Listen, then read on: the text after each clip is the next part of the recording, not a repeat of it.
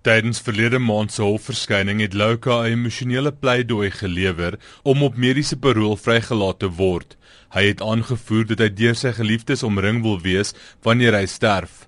Sy aansoek is van die hand gewys en hy het gisteraand omstreeks 8 uur alleen gesterf. Medeskrywer van die boek, Lolly Jackson When Fantasy Becomes Reality, Sean Newman, sê die wyse waarop Louka gesterf het, is baie hartseer. I think it's very tragic on many scales, and the fact that I don't think that George killed Lolly to begin with. I never have. I believe that he was an integral piece within the puzzle in finding out what happened and how it happened. But at the same time, I don't believe a man who was quite clearly terminally ill that appeared in court a few weeks back deserved to die the way he did and in the place where he did. Newman glo Jackson se moord sal nou nooit opgelos word nie. Hy sê dit is dalk 'n gepaste einde vir die omstrede man. Well, personally, I never believed that we would get a court case to begin with because just remember George fled the country and we had to go through the extradition process. So it's been a couple of many lows, but I think at the end of the day, Lolly being the enigma he was in life and, and never quite known or understood, it's probably fitting that it ends in, in shrouded in mystery.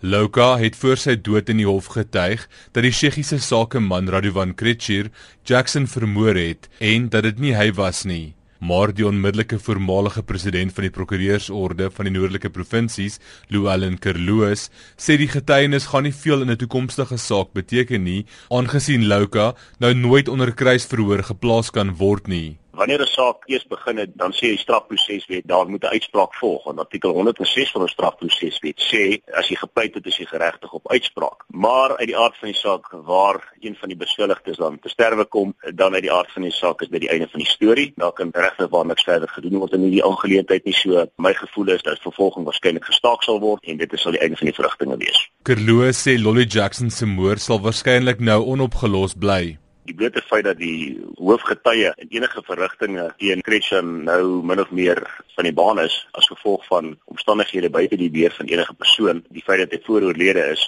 beteken dat daar nou 'n wesenlike probleem met die staat bestaan in die sin dat hulle hoofgetuie natuurlik nou nie meer daar is nie. En as dit die geval is, dan beteken dit dat die regspan van wat die verdediging sou kry om vir Christian te verdedig, nie die geleentheid gaan kry om te kan kruisvoer op daardie getuienis nie. Met ander woorde, die getuieniswaarde wat geheg sou word aan enige getuienis wat na vore tree, is so weglaatbaar min omdat dit ongetoetste getuienis in hof is. Dit was Lualen Kerloos, 'n strafregkenner. Intussen het die departement van korrektiewe dienste gesê hulle sal later vandag meer inligting oor Lukas se dood bekendstel.